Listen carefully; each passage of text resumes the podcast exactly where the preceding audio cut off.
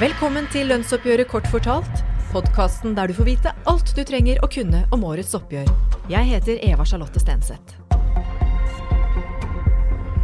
I denne episoden skal vi snakke om status i norsk økonomi, og hvordan det påvirker lønnsoppgjøret. Velkommen til deg, sjeføkonom i NHO, Øystein Dørum. Hei.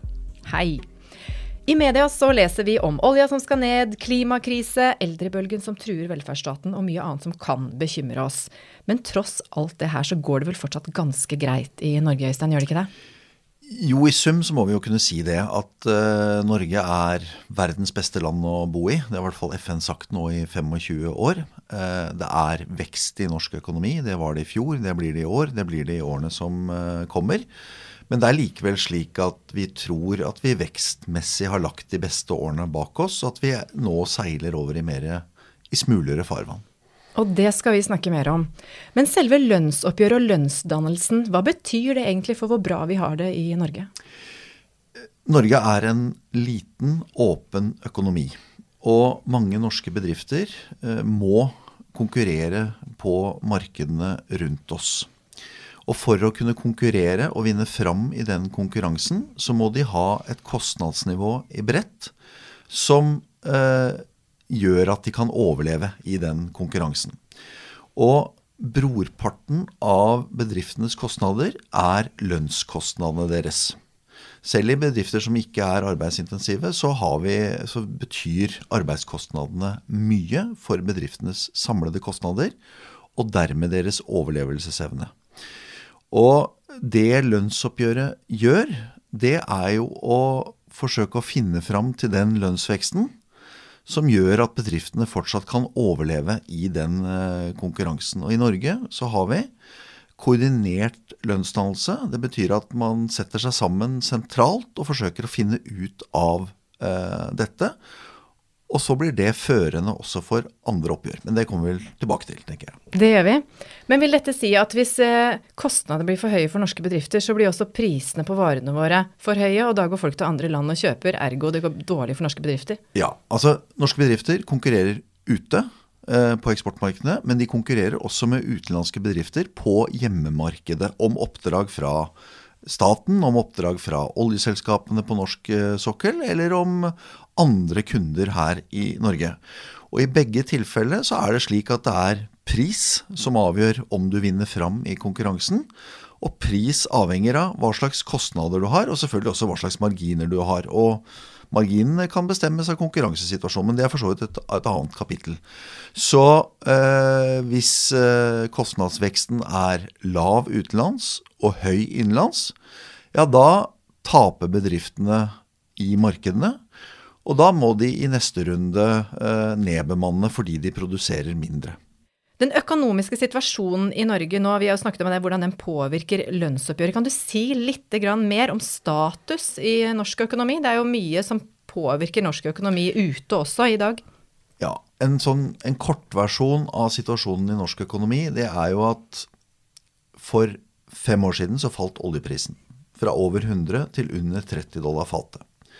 Samtidig, eller parallelt med det, så falt oljeinvesteringene med 70 milliarder kroner ca.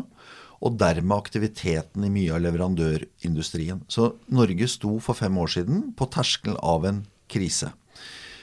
Den ble avverget takket være eh, fall i kronekursen, som bedret konkurranseevnen. Den ble avverget takket være lønnsmoderasjon. Der kommer vi tilbake til det. Eh, den ble avverget takket være rentekutt, økt bruk av oljepenger over eh, budsjettet, redusert innvandring eh, til Norge, og for så vidt også av at sjokket bare rammet deler av norsk økonomi, nemlig Vestlandet. Så har vi hentet oss inn igjen etter det, bl.a. takket være alle disse stimulansene lavere renter, oljepengebruk og etter hvert også vekst i oljeinvesteringene. I fjor så uh, passerte vi sannsynligvis veksttoppen. Mot slutten av året så, så vi at veksten i norsk økonomi ble svakere. Anslagene våre tyder på at veksten vil bli enda noe svakere framover. Og det skyldes at renten har sluttet å falle. Nå har den kommet opp, og så skal den ligge flatt. Regjeringen bruker ikke like mye oljepenger.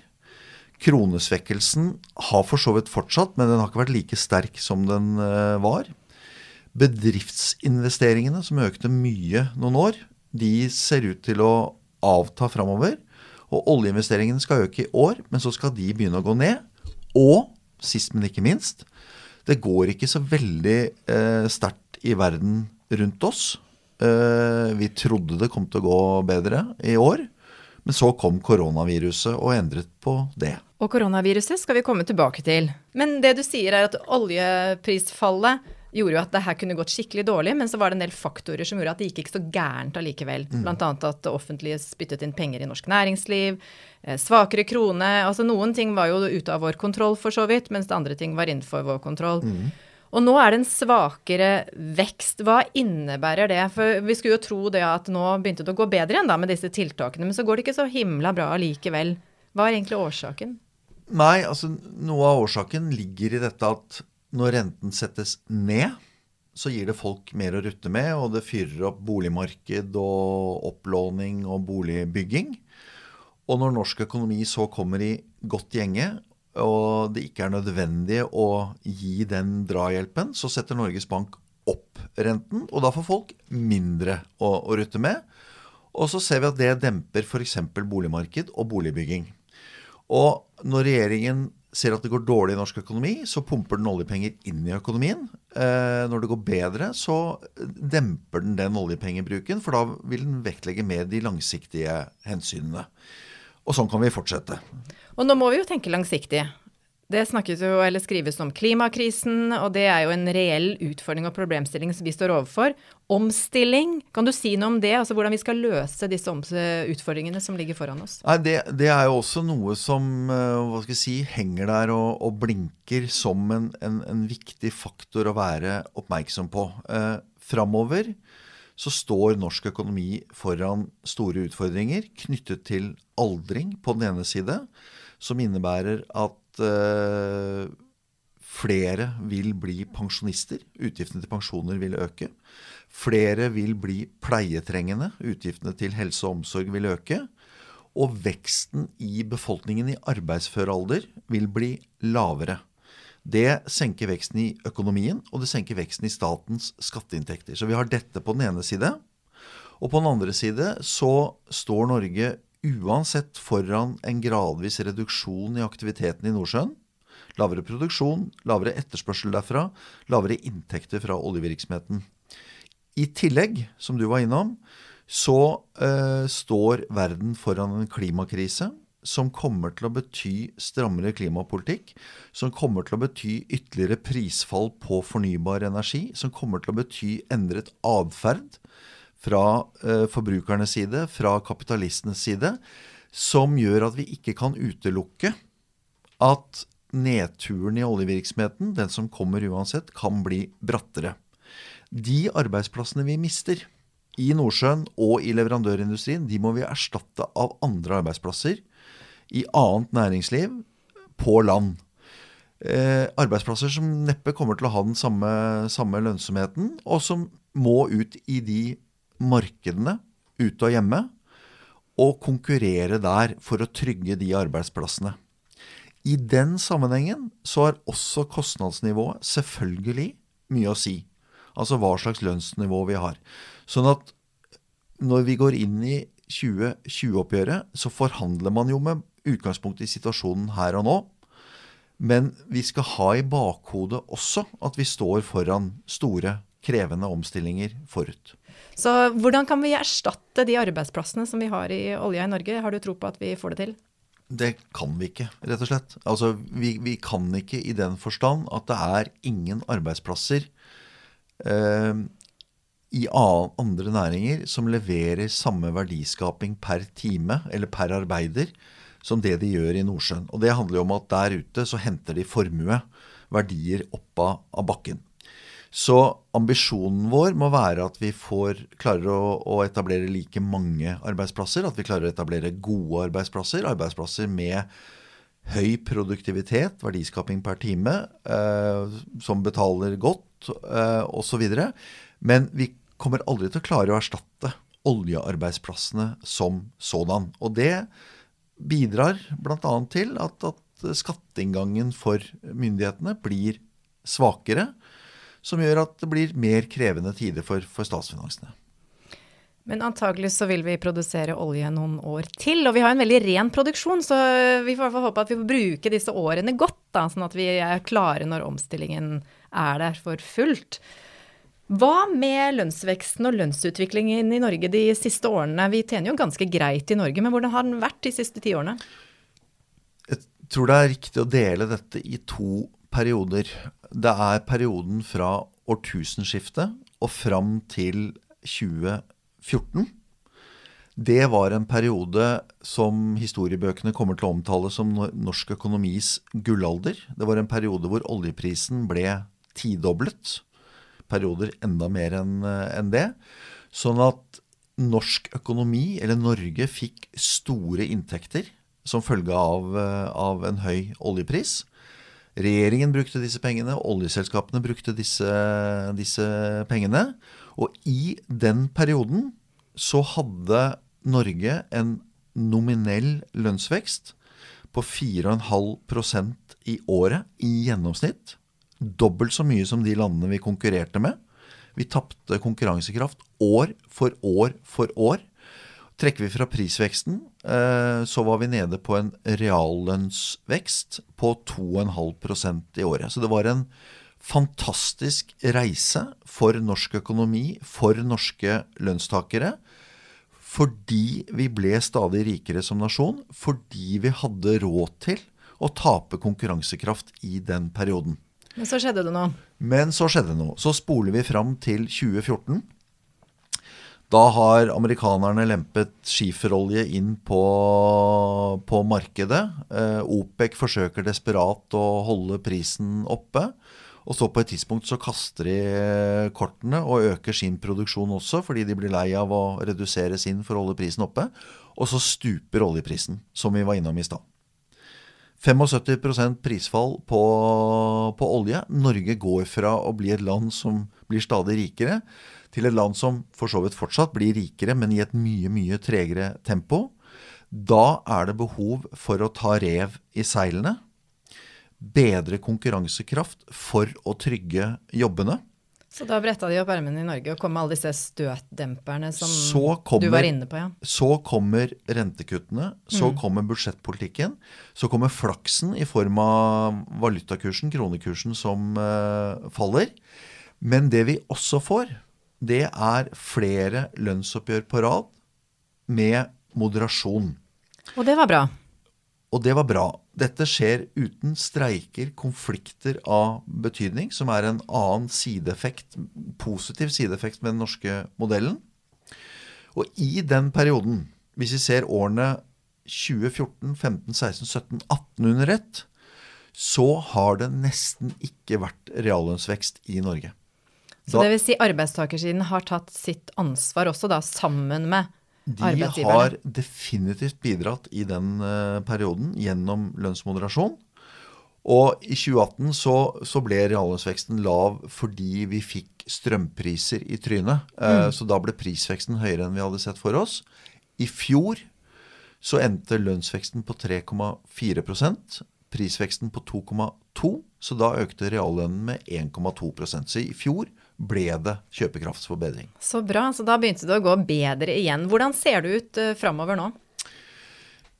Uh, jeg tror fortsatt ikke at jeg skal spekulere i hvor, uh, hvor lønnsveksten ender i årets forhandlinger. Det får, det får andre, andre, ta seg av. Det vi bringer til bordet, det er én et prisanslag på 1,5% To en lønnsvekst i de landene vi handler med på 2,9% Og tre, et makroøkonomisk bilde som eh, må kunne karakteriseres som OK, men eh, moderat og litt skjørt. Og med skjørt så tenker jeg både på at fjoråret var preget av usikkerhet knyttet til handel. Vi har fått noe avklaring der, men vi er ikke i mål på noen som helst måte. Og at koronaviruset har meldt seg på med full tyngde. eh, i inneværende år. Noe som helt åpenbart allerede har gitt økonomiske konsekvenser for Kina og land, som, land og bedrifter som handler med eller har økonomisk samkvem med, med Kina. Og som, hvis det fortsetter, vil kunne få større økonomiske konsekvenser. Som igjen da betyr at eh, vi må holde oss på en moderat linje når det gjelder lønnsutviklingen? Det vil helt sikkert farve oppgjøret i reiseliv. Og tilsvarende så har vi mange norske industribedrifter som eh, leverer til eksportmarkedene, men for å kunne gjøre det får vareinnsats utenifra, komponenter til produksjonen utenifra. Når de ikke kommer fordi kinesiske bedrifter ikke klarer å levere, så klarer ikke de norske bedriftene å levere. Og da kan de måtte ty til permitteringer. Så alt dette handler om at det er blitt noe mer utrygt. Og da er eh, lønnskostnadene viktige i den konkurransen for å trygge de arbeidsplassene. Så jeg tror det kommer til å eh, ikke styre oppgjøret, men det kommer til å være med som en faktor i oppgjøret. Så koronaviruset har også ja, gir en så stor påvirkning på, på norsk økonomi, også verdensøkonomien. Ja, mm. juryen er ute fordi at uh, fagfolket er ute. Det er mm. ikke en kjeft der ute som tør å spekulere i hvor mange som kommer til å bli smittet, hvor lang tid dette tar å få kontroll på dette og sånn. De fleste er nok ganske trygge på at det gjør man. Man får kontroll på, på, på spredningen. Og, og det er ikke de det er ikke de syke og de døde som betyr noe i denne sammenhengen, men det er alle tiltakene vi setter i verk. At det at folk slutter å reise, det at noen stenger fabrikker, skoler osv., det har økonomiske konsekvenser. Hvor store vet vi ikke eh, før eh, epidemien, hvis det blir en epidemi, har toppet ut. Og det vil vi jo se nå etter hvert hvor stor um, påvirkning koronaviruset egentlig vil få da, framover.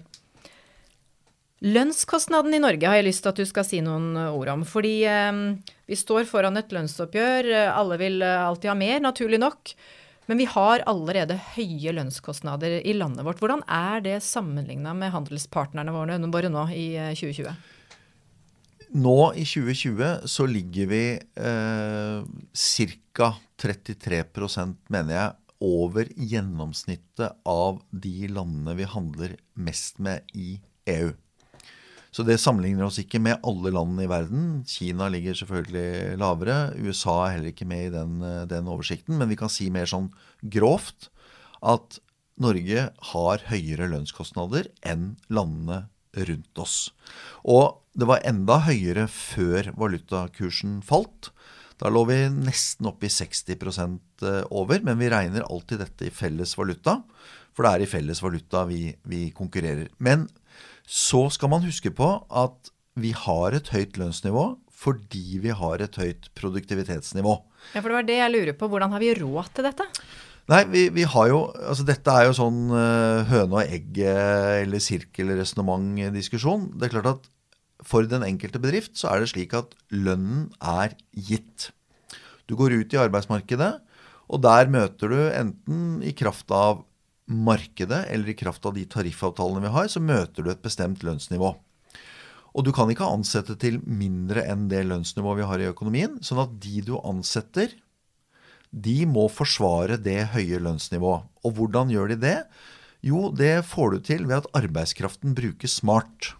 Ved at du ikke, De ødsler ikke med arbeidskraften i Norge. Det står ikke folk på gata med, med skilt som sier at det er salg rundt, eh, rundt, hjørnet.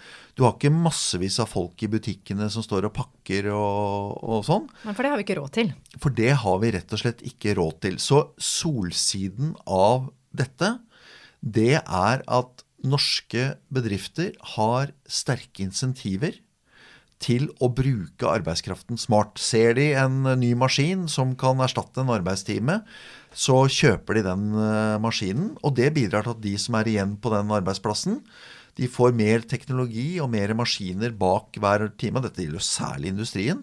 Og dermed så øker verdiskapingen deres per time. Og fordi vi har denne frontfagsmodellen, hvor industrien går foran, den spisseste enden av eh, økonomien går foran, og de andre må bare halse etter. I år ble lønnsveksten, eller i fjor, da, så ble lønnsveksten 3,4% Ja, ok.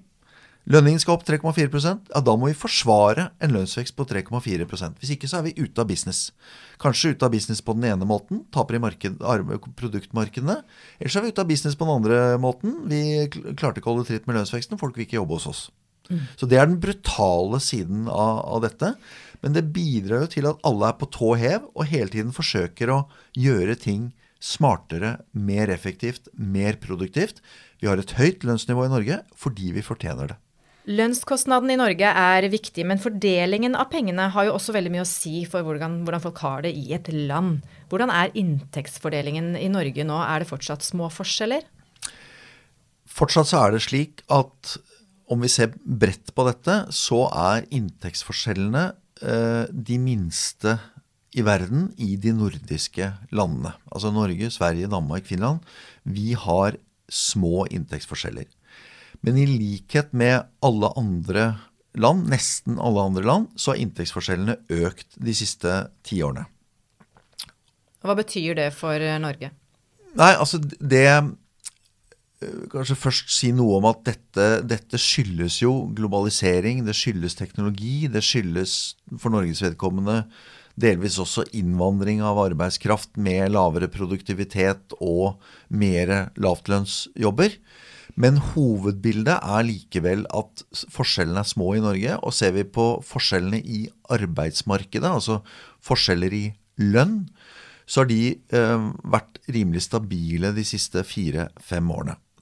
Men inntektsforskjeller er viktig fordi eh, utviklingen i en del land rundt oss, og her tenker vi kanskje særlig på, på USA, men det finnes også andre eksempler, viser at det er viktig at forskjellene ikke blir for store.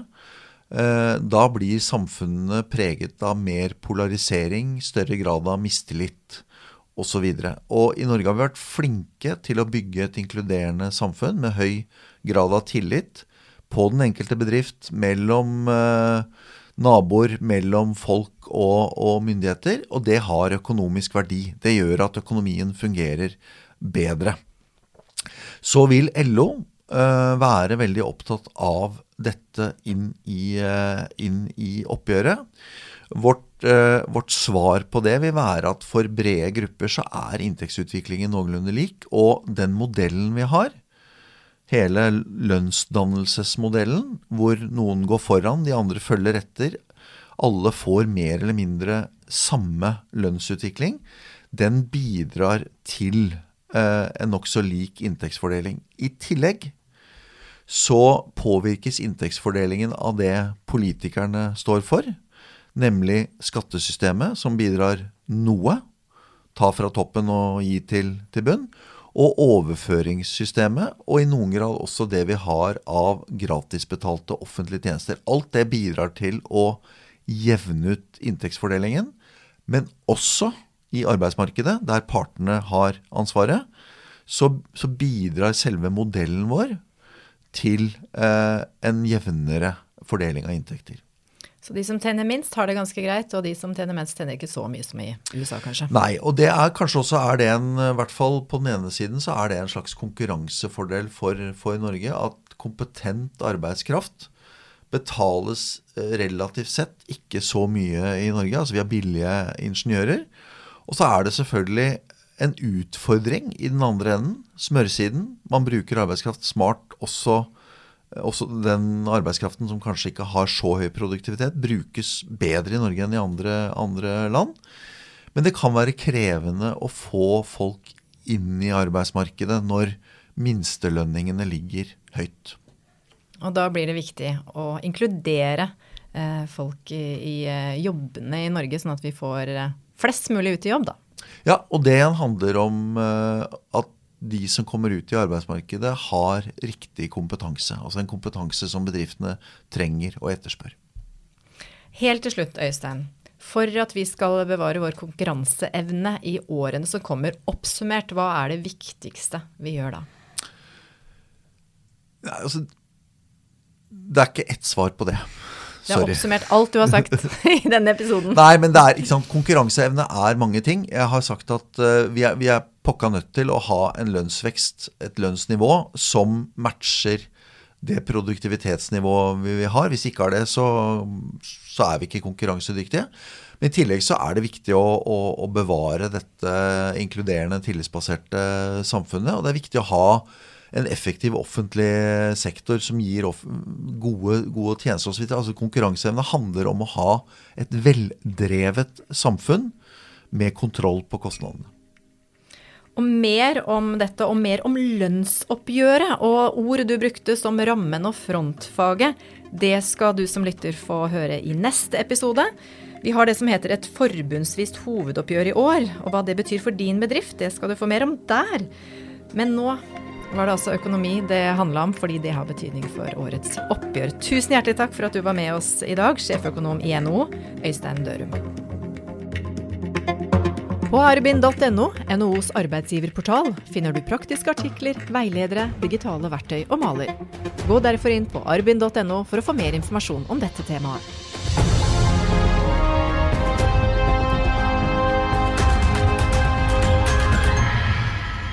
Denne podkasten er produsert av Tid og Lyst for Næringslivets hovedorganisasjon.